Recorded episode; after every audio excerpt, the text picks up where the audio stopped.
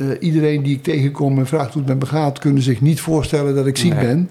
Maar ja, eh, het zit wel onder de leden. Ja. En ik merk aan mezelf wel dat het achteruit gaat. Hij is 83 jaar en woont op de Reden 9 in Urk. Sjaan de Heus. Geboren in Gorkum. Uit de weekend naar Amsterdam, waar hij zijn grote liefde vindt in de persoon van Loes Gnodde uit Urk. Na een moeilijk begin op Urk en daarna een gezegend en mooi leven, binnen nou de zorgen. Over Loes die in Talmahaven wordt verpleegd en over Jan zelf. Hij heeft te horen gekregen dat hij ongeneeslijk ziek is.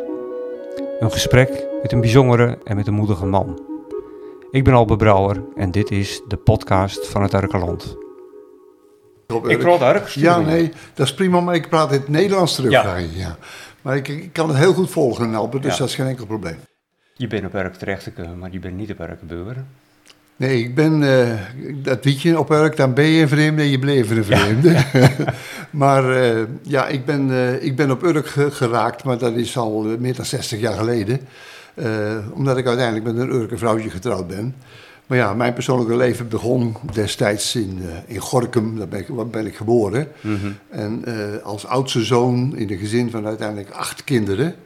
En eh, op dit moment ben ik nog de oudste van vier kinderen. Dus er zijn in mijn familie vier mensen overleden. Ja. Van eh, één zus en eh, drie broers zijn er al Ja. overleden. Dus wat dat betreft, het, het, het familietje wordt steeds kleiner. ja. Kun je een beetje je jeugd in Gorkum beschrijven? Ja, dat kan ik uiteraard nog wel. Ik ben geboren in 1940, eh, net voor de oorlog, op 21 januari. En eh, mijn, ja, bij ons werd eigenlijk elk jaar, anderhalf jaar, werd er weer een kind geboren. Dus aan het eind van de oorlog waren er geloof ik vier kinderen bij ons al in het gezin. Eh, uiteindelijk zijn er acht geworden. En ja, het was toch vrij eh, armoedig in onze familie. Mijn vader was molenaar, korenmolenaar, Oh, op, een, op, op een windmolen. En dat was een bijzondere situatie. Ja. Maar eh daar was uiteindelijk geen droog brood meer in te verdienen, in dat malen met een windmolen. Dus eh, hij is daar, naar mijn idee, in, ik denk in 1955, 56 mee opgehouden. En toen is hij eh, gaan werken op een groot staalconstructiebedrijf als kraanmachinist. En heeft hij in de avonturen nog wat maalwerk gedaan voor boeren of voor bakkers. Maar het is verder niet een. Het, het was geen rijk bestaan. Nee. Alles met elkaar was het scharrelen om een beetje kost bij elkaar te krijgen, denk ik, Ja. van mijn oude luidjes. En je bent aan de school geweest? Ik ben daar naar de school geweest, inderdaad. Kleuterschool, lagere school, MULO.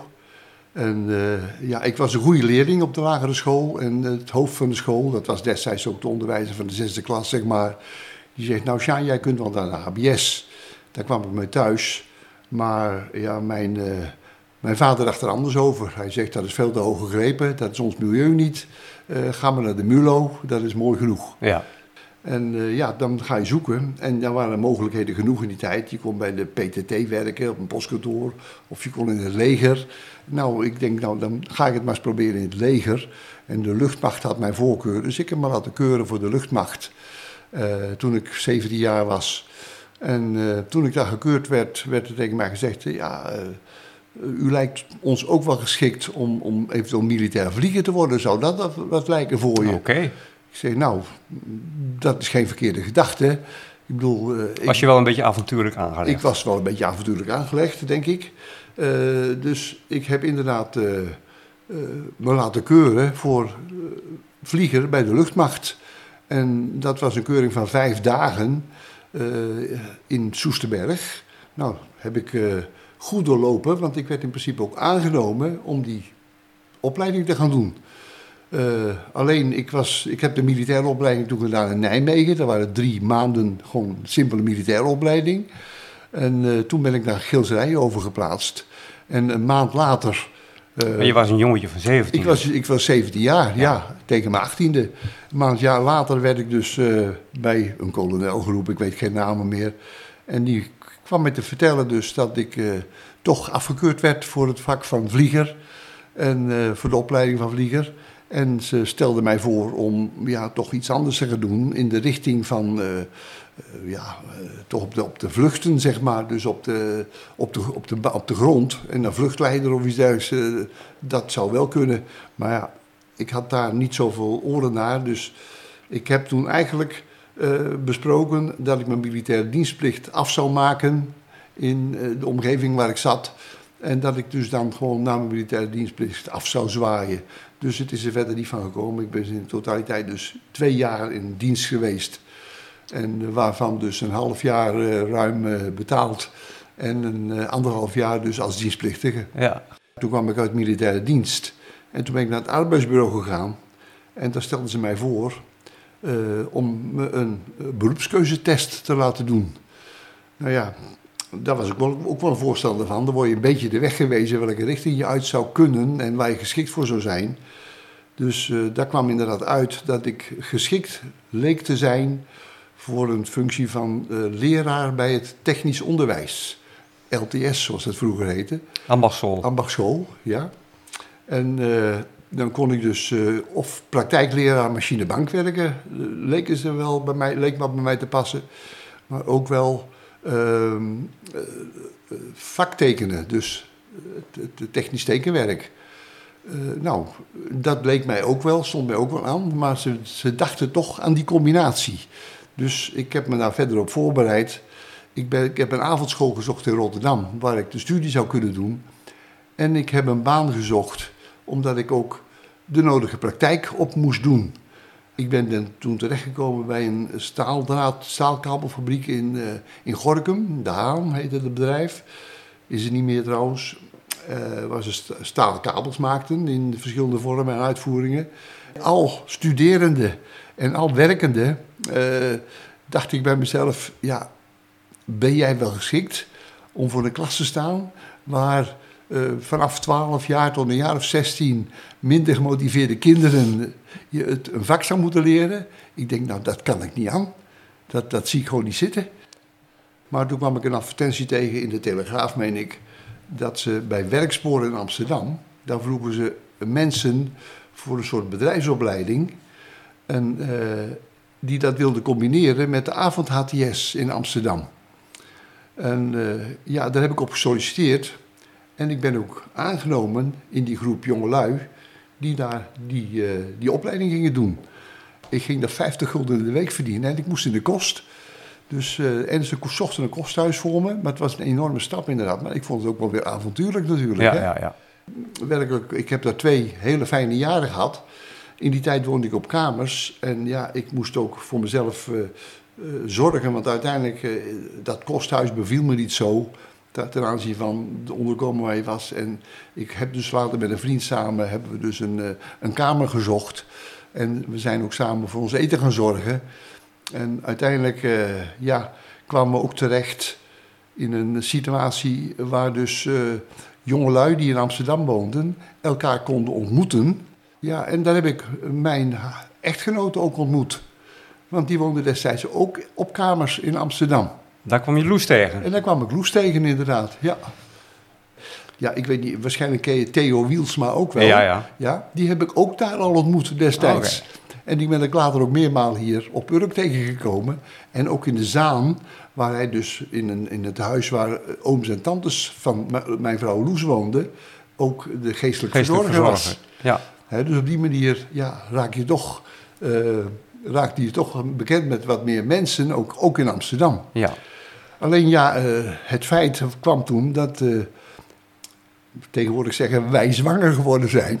Loes en ik Ja. dus, hè, voordat we getrouwd waren. Ja, en Dat- eh, ja, Dat was wel even wat in die tijd. en dat was in die tijd wat. Dus dat was eh, tamelijk heftig. En eh, nou ja, eh, ik heb er nooit echt mee gezeten, maar Loes zat er meer mee. Dus we zijn eh, samen op een bepaald moment naar Urk gegaan om haar ouders eh, te informeren. En eh, nou ja, het is redelijk goed opgepakt. Dat gesprek kun je waarschijnlijk nog een klein beetje te... Dat gesprek kan ik me nog wel herinneren. Ja, Ja. een beetje wel, maar weet je, dat, dat, dat heeft ook veel kerkelijke aspecten gehad natuurlijk. Ja. Hè? En, eh, Was je kerkelijk opgevoed Ik eh, en was- opgegroeid? Niet echt, ja, een beetje wel. Maar ik was Nederlands hervormd Ja. en aan de vrijzinnige kant. Oké, Hè? Dus het was niet zo'n wilde boel allemaal. nee. Maar wat kerkelijk leven betrof. Maar ja, in ieder geval, ik heb geaccepteerd dat ik eh, in een andere omgeving terecht zou komen. Want mijn schoonouders stelden me voor, nou wij hebben wat ruimte. Die woonden destijds in de regeringshuizen, zeg maar. Ja, ja. Waar nu eh, de Boni en zo staan. In wijk 6. In wijk 6.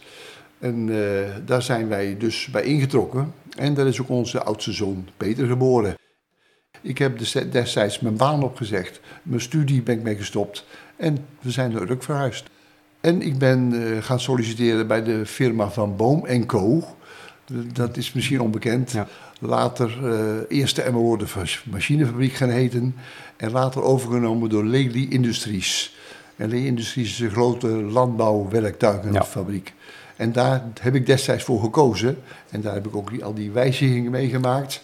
eh, van, van, Ik stap even van je werk af naar je, naar je komst op Urk. Want Ja, dat is natuurlijk ja. wel even een moment geweest. ja, Eh, ja, een andere gemeenschap. eh, je kwam van Gorkum, was je naar Amsterdam gegaan en dan van Amsterdam naar Urk. eh, Inderdaad. ja, een besloten gemeenschap, kleine gemeenschap toen ook, als Toen- we praten over 1962. Ik denk, ik denk dat er 5.500, 6.000 inwoners woonden op Urk destijds. Ja, inderdaad. En dan kom je daar, daarin terecht. En, nou, ik moet eerlijk zeggen dat ik... ja, misschien mag ik er niet zo over praten... maar eh, in eerste instantie minder leuke ervaringen had. Mhm, ja. Want wij waren destijds op verzoek van Loes in Amsterdam al bij een predikant geweest om ons probleem eens eventjes eh, te bespreken. Nou, dan gaan ze op Urk heel anders natuurlijk met zo'n situatie om dan in Amsterdam. Want wij kwamen eigenlijk heel plezierig bij deze predikant vandaan na een behoorlijk gesprek gehad te hebben. En er werd eigenlijk gezegd, ja maar luister, eh, gaan jullie met elkaar verder? Hè? Heb je er spijt van dat het zo gegaan is? Ja, eigenlijk niet. Het is, het is jammer dat het zo gegaan is, maar ik, eh, kijk, uiteindelijk, eh, we vonden elkaar, we hielden van elkaar. Dat hadden we wel ervaren al, want we waren al een jaar samen ongeveer, denk ik. En, maar toen kwamen we op Urk en toen wilden we dus de trouwplannen maken. En dat was ook een kerkelijke bevestiging, was daar bij, bij in, in, ja, moest je bij, bij betrekken eigenlijk. Want Ja. dat is te doen gebruikelijk op Urk. Nou ja, ik had geen beleidenis gedaan. eh, Dus, eh, maar we, hebben, we zijn dus wel op een bepaald moment eh, die richting opgegaan. En nou ja, na gesprekken met ook nog een paar ouderlingen. En mijn schoonvader was ook ouderling op dat moment. En die, die was ook samen ouderling met Jouk van Niel. Dat is ook wel een heel Ja, bekende ja, ja. Naam, denk ik, hè, in de, In de gereformeerde kerk. in de eh, gereformeerde ja. kerken. En op een bepaald moment, eh, toen, eh, wij zouden gewoon zondags een keer naar de kerk. Toen we net de trouwplannen gemaakt hadden. En toen belde Jouk van Niel op naar mijn schoonouderlui. En die zegt van, ja, nou willen ze toch, de ouderlingen hier en de predikant hebben toch besloten... dat jullie ehm, toch officieel schuldbekentenis moeten doen, openbaar in de kerk. En ik kreeg nou van mijn schoonvader de telefoon door. En Jouk van Niel belde, want is vriend van, van mijn schoonvader. Ik zeg, ja, moest luisteren, wat moet ik ermee? Ik zeg, nou, moet luisteren, als ze dat gaan doen, wij zijn, we hebben de zaken goed besproken. En ik zeg, ik ben dat niet van plan. Maar als jullie dus dat in deze kerkdienst gaan afdwingen bij mij, dan ga ik in de kerkbanken staan. En dan zal ik dus toch mijn verhaal doen. En eh, het is niet doorgegaan. Eh, dus eh, ik heb dat gewoon geweigerd. We hebben het niet gedaan en we zijn wel in de kerk getrouwd. Ik ben uiteindelijk, eh, ik werkte in Emmeloord en toen ben ik eens bij de gemeente Noordoostpolder gaan informeren of dat daar woonmogelijkheden voor waren om te gaan wonen. En omdat ik toch gebonden was aan Emmeloord wat mijn werksituatie betrof, Ja. kreeg ik daar toch heel snel een, een toegewezen. En eh, dat was best een, eh, een leuke, leuke flat op de eerste etage. Rodos heette dat, Rodos 2.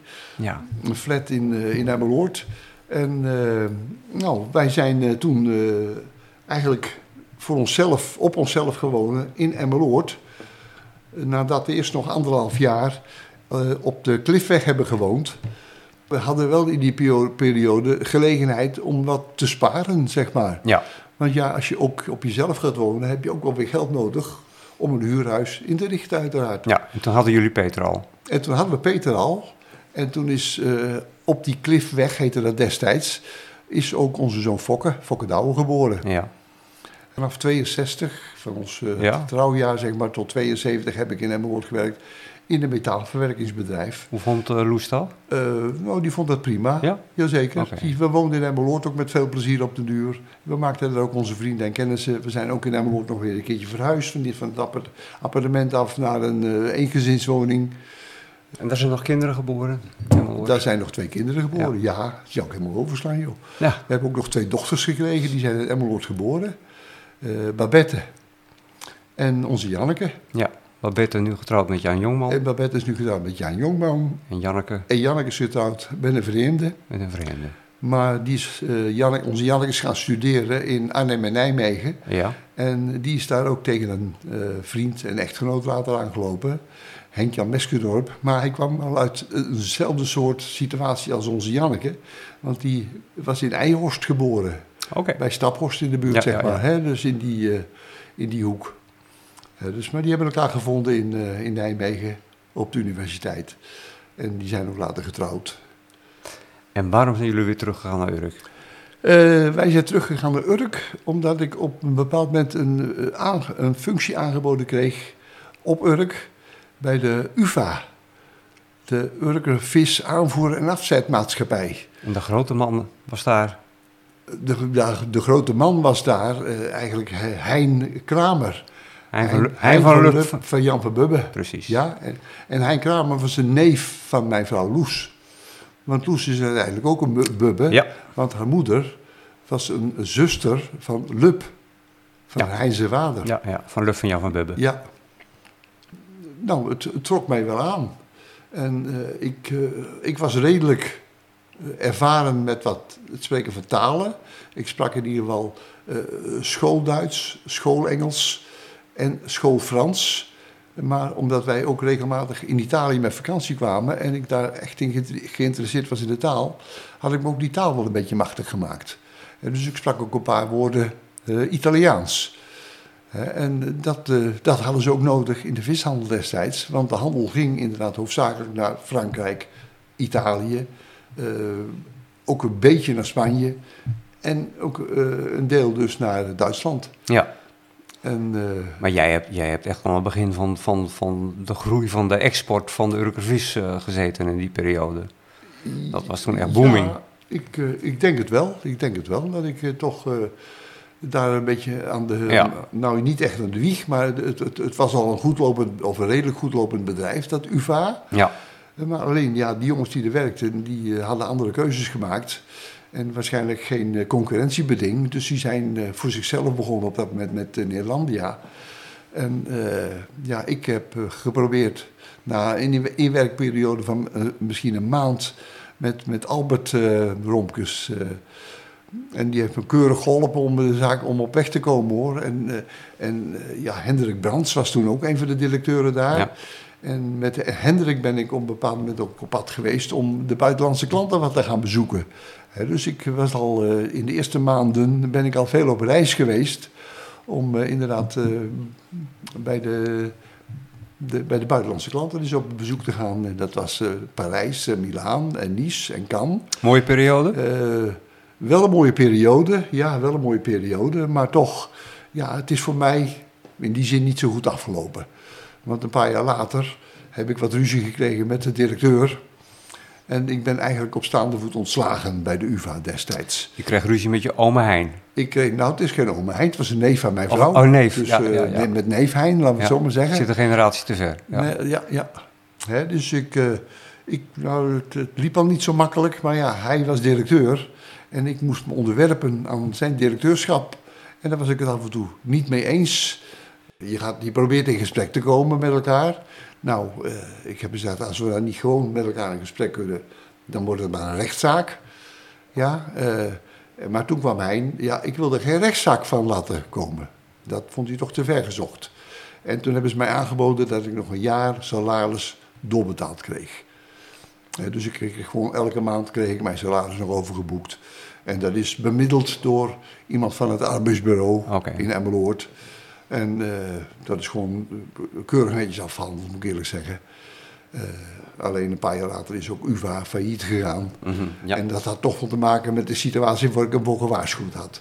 En mocht je wel terugkeren in de vis? Of dacht je van, ik had, nou, nou, ik had een, een contract waarin beschreven stond dat ik, dat ik niet in de vis zou mogen werken.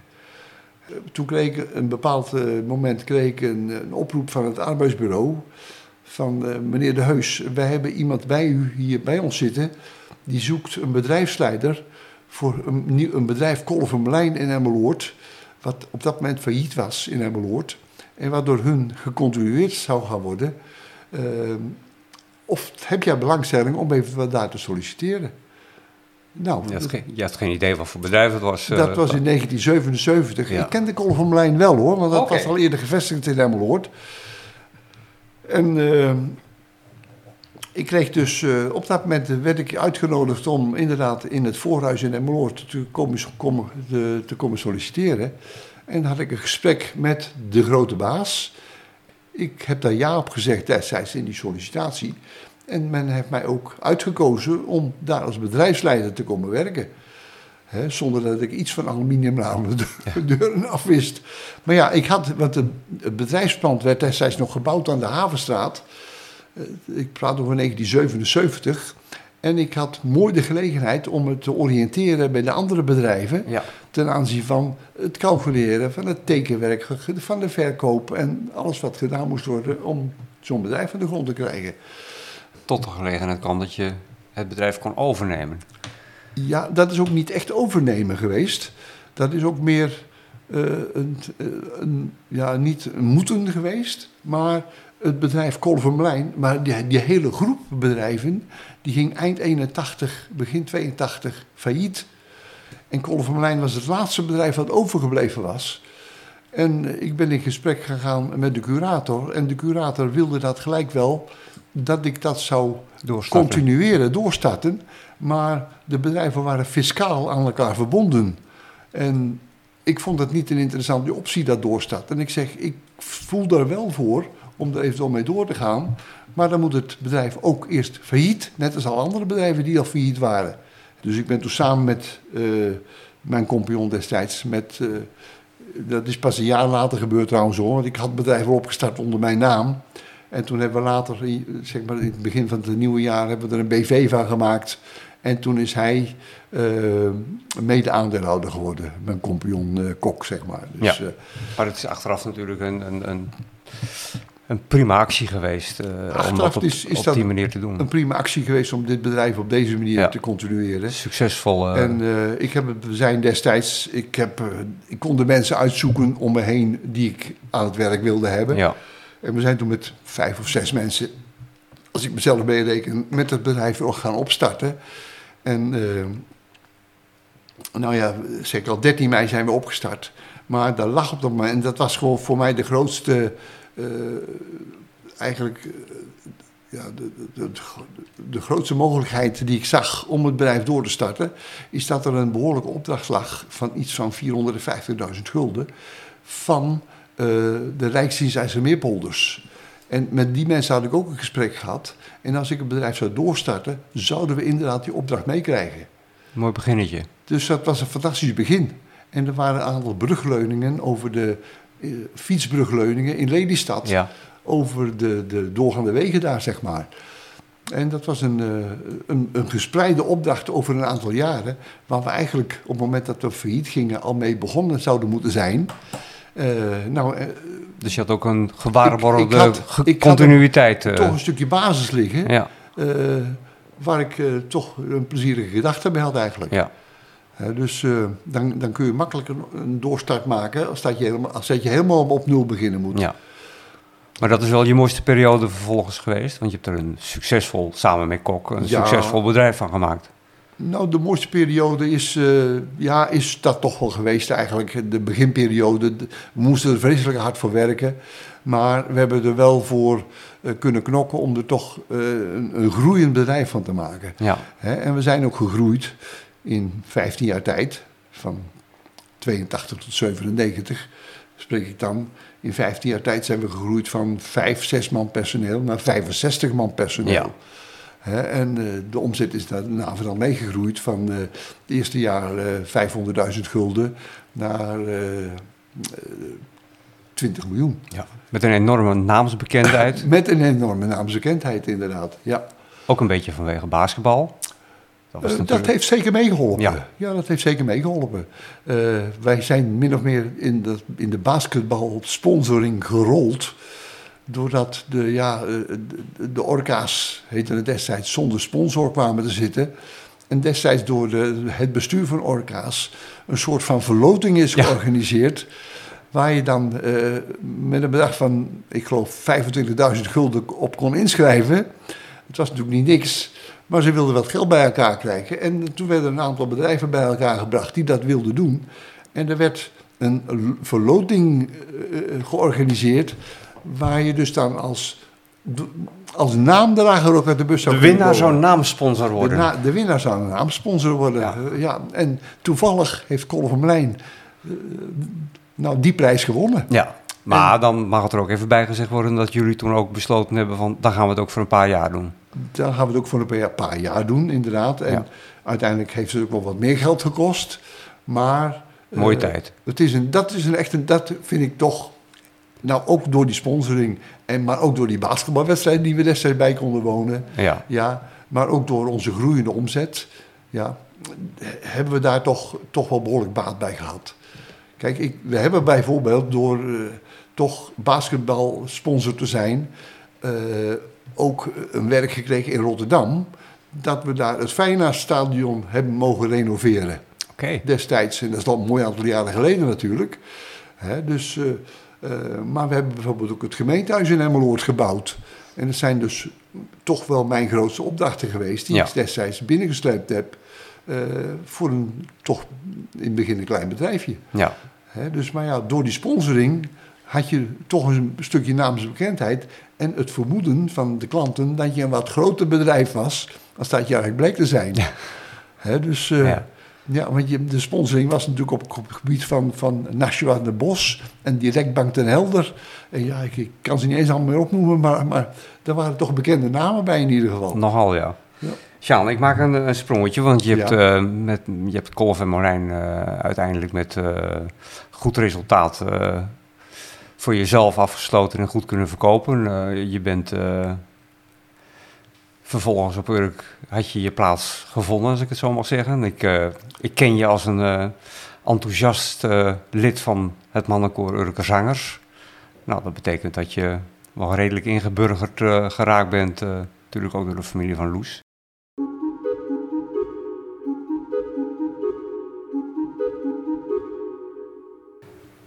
Jan, je vrouw Loes is al een tijdje ziek. Wanneer merkte je dat? En dat het, dat het niet goed ging met Loes? Nou, eh, ja, es- je kunt er eigenlijk in twee delen splitsen. Achteraf gezien eh, zeg ik, het is al tien jaar geleden begonnen. Maar dat waren dus eh, ja, fouten die ze maakte, vergeetachtigheid. En dat gaf je niet gelijk de schuld aan een dementie of Alzheimer, wat zij onder de leden zou hebben. Maar ja, je ging, op, haar- je ging eigenlijk een beetje schelden op haar, dat ze het eten aan liet branden. En eh, dat ze vergeten was wat dingen eh, mee te nemen of te halen of wat dan ook. Dat was je niet gewend van Loes. Dat was je van Loes niet gewend. Hè? En eh, ja, op een bepaald moment dat ze vertelt dat ze op, de, op een parkeerplaats in Emmeloord eh, de auto niet meer terug kon vinden. Kijk, eh, ja, dan, dan ga je denken, ja, dat is een stukje vergeetachtigheid, maar nog niet per se dementie. Maar uiteindelijk kwam het er toch op neer, dat is zeker een jaar of zes geleden, dat we toch eens een contact hebben gehad met een, eh, een, een eh, verpleegkundige die dus eh, verstand had van, van Alzheimer. En die heeft ook een test bij eraf genomen. En toen zegt ze, ja, het is toch al heftiger als dat je denkt dat het is. Hè, dus Was dat een klap? dat was echt een klap. En want Loes zegt, dat mens hoeft hier niet meer terug te komen. Nee. Nee. die, die was er zo. Nou ja, ze was zelf nog aardig. Ze was ervan overtuigd dat ze dat niet zou kunnen krijgen. Maar eh, in ieder geval, eh, ja, die eerste test wees toch wel uit dat er dus eh, toch wel problemen aanstaande waren. Dus uiteindelijk zijn we dus een. nou, in de jaren zes geleden, daar was het ook een keer bij de huisarts langs geweest en daar een gesprek mee gehad. Die heeft ook testen gedaan. En die heeft ons toch wel doorgestuurd naar het ziekenhuis in Sneek destijds. Om bij een eh geriatrisch verpleegkundige langs te gaan. En eh, ook de nodige eh, onderzoeken te doen. Eventueel dus naar, naar de vorm van Alzheimer die ze zou hebben. En ja, toen bleek toch wel dat het ernstig was. En dat ze dus um, Alzheimer had in combinatie met vasculaire dementie. En ja, toen was alles vastgesteld. Ze mocht ook niet meer auto rijden op dat moment. De, de dokter verbood haar dat zelfs. Dus ja, ze had zelf een klein autootje. En eh, dat hebben we toen gelijk maar verkocht om er maar vanaf te zijn. Dan weet je zeker dat ze er niet meer in kan stappen. Want ze was toch wel eigenwijs genoeg om uh, nog te gaan rijden bijvoorbeeld. Uh, maar in ieder geval, toen is het toch wel heel snel bergafwaarts gegaan. En op een bepaald moment was ook s'nachts in de weer. overdag hadden we haar al overgehaald om naar een soort van dagbesteding te gaan. En dat was destijds op de Wurf in Nagelen waar ze heen geweest is. En dat is ons goed bevallen om het daar naartoe te brengen. Het was een kleinschalig gebeuren. En uh, dat functioneerde dus ook nog wel aardig goed. Eerst twee dagen, toen drie dagen, toen vier dagen. Was dat niet een enorme drempel die ze over moest? Dat was een enorme drempel, ja. Maar ja, eigenlijk alles, als je ouder wordt, is een drempel. Als je met een stok moet gelopen, is een drempel. Als je een rollator aangemeten krijgt, is een drempel. Ja, ja en, en, en dit was een enorme drempel voor haar. En waar ze echt wel even aan moest wennen. Nou ja, op een bepaald moment, uh, omdat ze altijd s'nachts in de weer was en ze mij ook wakker had, uh, ben ik er zelf uh, op een bepaald moment onderdoor gegaan. Ik, ik, ze was naar de dagopvang toe. En ik kwam in de loop van de middag een keer mijzelf in de gang tegen. onderweg naar het toilet of zo. Ik had wat ziek op bed gelegen. En ik was naar het toilet gegaan. En toen was ik, had ik een val gemaakt. En de kop kapot en de elleboog kapot en de knie kapot. En ja, uh, uiteindelijk is er ook een dokter bijgekomen toen, en Babette geroepen en die heeft ook de dokter gebeld. En nou ja, toen bleek dat ik toch een beetje overwerkt was door s s'nachts niet te slapen. En, over, en ja, gewoon een beetje behoorlijk ziek daarvan geworden. En ik heb een paar weken in het ziekenhuis gelegen. Overwerkt als mantelzorger? Overwerkt als mantelzorger, daar komt het eigenlijk op neer. Ja, ja. want het is ja, iedereen wil dat zo lang mogelijk volhouden. Maar eigenlijk moet je toch wel naar je lichaam luisteren, heb ik gemerkt. Duidelijk gemerkt. En uh, ja, uh, toen heeft Loes al zeven weken op een logeeradres gezeten in het, uh, in het dok hier, hier op Urk. En nou ja, dat vond ze niet leuk, maar dat deed ze voor mij dus. Hè? Ja. Dus zo simpel was het. Maar toen ik dus weer normaal hersteld was van alle ellende die ik achter de rug had. Toen zijn mijn kinderen en ik rond gaan kijken. Met de twee meiden, hoofdzakelijk Babette en Janneke. Uh, in de omgeving waar naar onze mening Loes het best opgevangen zou kunnen worden. En daar is hier op Urk dus dan ook wel Talma Haven uitgekomen. En we hebben ons daar ingeschreven. En toen kwam inderdaad al veertien dagen later een oproep. Dat staat een kamer voor haar. Kijk, ook in die situatie moet je wachten tot de mensen overleden zijn, want het is eh, helemaal volgeboekt normaal gesproken.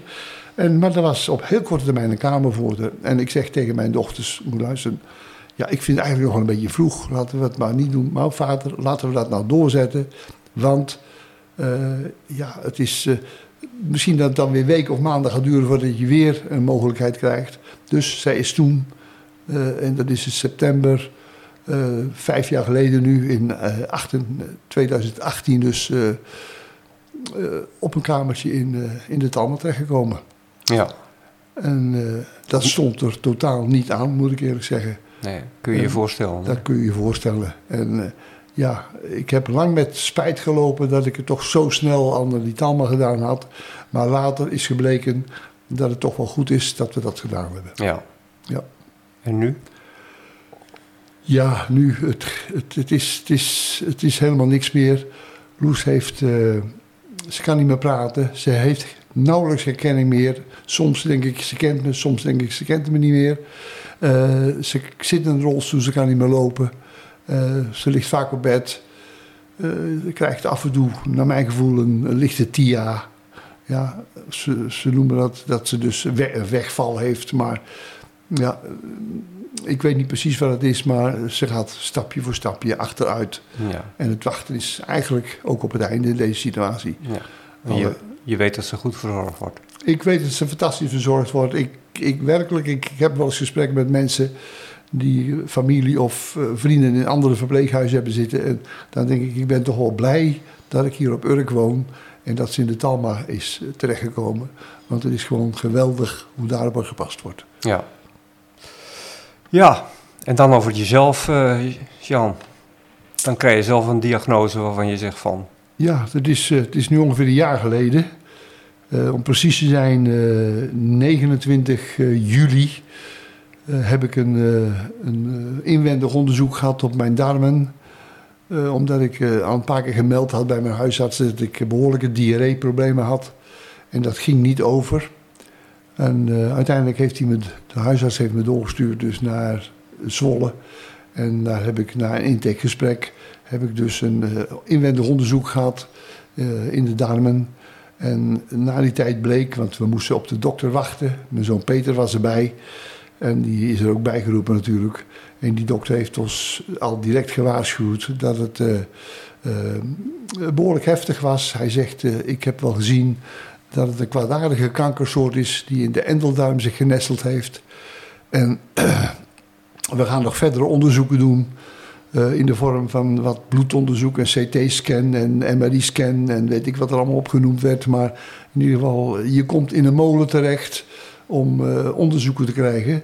En eh, die heb ik allemaal doorlopen. En uiteindelijk het laatste gesprek wat we dus met de artsen kregen. Oncoloog was erbij en een maag, darm en leverspecialist. En toen werd ons verteld dat ik eigenlijk ongeneeslijk ziek was. Dat ik niet geopereerd zou kunnen worden. Want ik bleek uitgezaaide darmkanker te hebben. En de uitzaaiingen waren hoofdzakelijk naar de lever, maar ook een gedeelte naar de longen. En ja, die de arts vertelde mij ook van meneer Reus, u bent 82 jaar en ja, wij durven u echt niet meer te opereren, want uh, u moet een stukje van de lever af, een stuk van de longen af en de endeldarm moet eruit. Betekent dat u ook een stoma gaat krijgen. Dus waarschijnlijk overleeft u die operaties niet. Dus ik, nou, ik, ik, wil me ook niet meer laten opereren. Ik wil, als ik toch deze boodschap krijg van, nou, pakweg drie maanden tot een jaar te leven, wat er destijds uh, mij voorgeschoteld werd. Uh, nou, dan, uh, dan kies ik voor een, een leven met een stukje kwaliteit. Ja. En moeten we daar maar op gaan, gaan plannen. En ze zeiden drie maanden tot een jaar. En ze zeiden drie maanden tot een jaar, ja. En dat jaar is, nou, 29 juli ja. is de eerste waarschuwing voorbij in ieder geval. Dat ik, een jaar geleden dat ik die waarschuwing kreeg, laat ik het zo stellen. Ja. ja. En voor mij zit er nog steeds een vitale man aan de tafel die zijn verhaal kan doen. Ja, inderdaad. En gelukkig, ik ben er ook blij mee dat het zo nog is. Maar en men heeft steeds gezegd, ja, daar staat een vitale man voor me. En uh, iedereen die ik tegenkom en vraagt hoe het met me gaat, kunnen zich niet voorstellen dat ik ziek nee. ben. Maar ja, uh, het zit wel onder de leden. Ja. En ik merk aan mezelf wel dat het achteruit gaat. Het is de vermoeidheid die mijn parten gaat spelen. Ik kan, uh, ik kan bijvoorbeeld niet, ik rijd nog auto. En ik kan echt hier vandaan naar de Talma rijden en naar een paar vrienden in Emmeloord gaan. Maar heen en weer naar Zwolle of naar Arnhem waar mijn dochter woont, dat durf ik gewoon niet meer aan. Want ja. kijk, je kunt misschien wel heen rijden, maar je moet ook weer terug zien te komen. En ik weet gewoon hoe moe ik ben als ik zo'n rit gemaakt heb. En hoe ervaar je dit jaar? Is dat een, een jaar van afscheid nemen? Is dat... Het is een jaar van regelen en afscheid nemen. Ja. Zo heb ik ja, alles rondom mijn begrafenis, rondom mijn erfenis, rondom mijn afscheid. Ik heb dat allemaal kunnen, kunnen regelen samen met mijn kinderen. En daar ben ik ook weer dankbaar voor. Ja. Dat ik dat op deze manier toch zelf kan vaststellen. Kijk, aan de ene kant zou je zeggen, nou, krijg maar een hartinfarct, dan ben je in één keer van de kaart. Of krijg een herseninfarct, dan hoef je niet te lijden. Maar aan de andere kant, ik ben er blij mee dat ik uh, op deze manier zelf het een en ander heb kunnen regelen nog.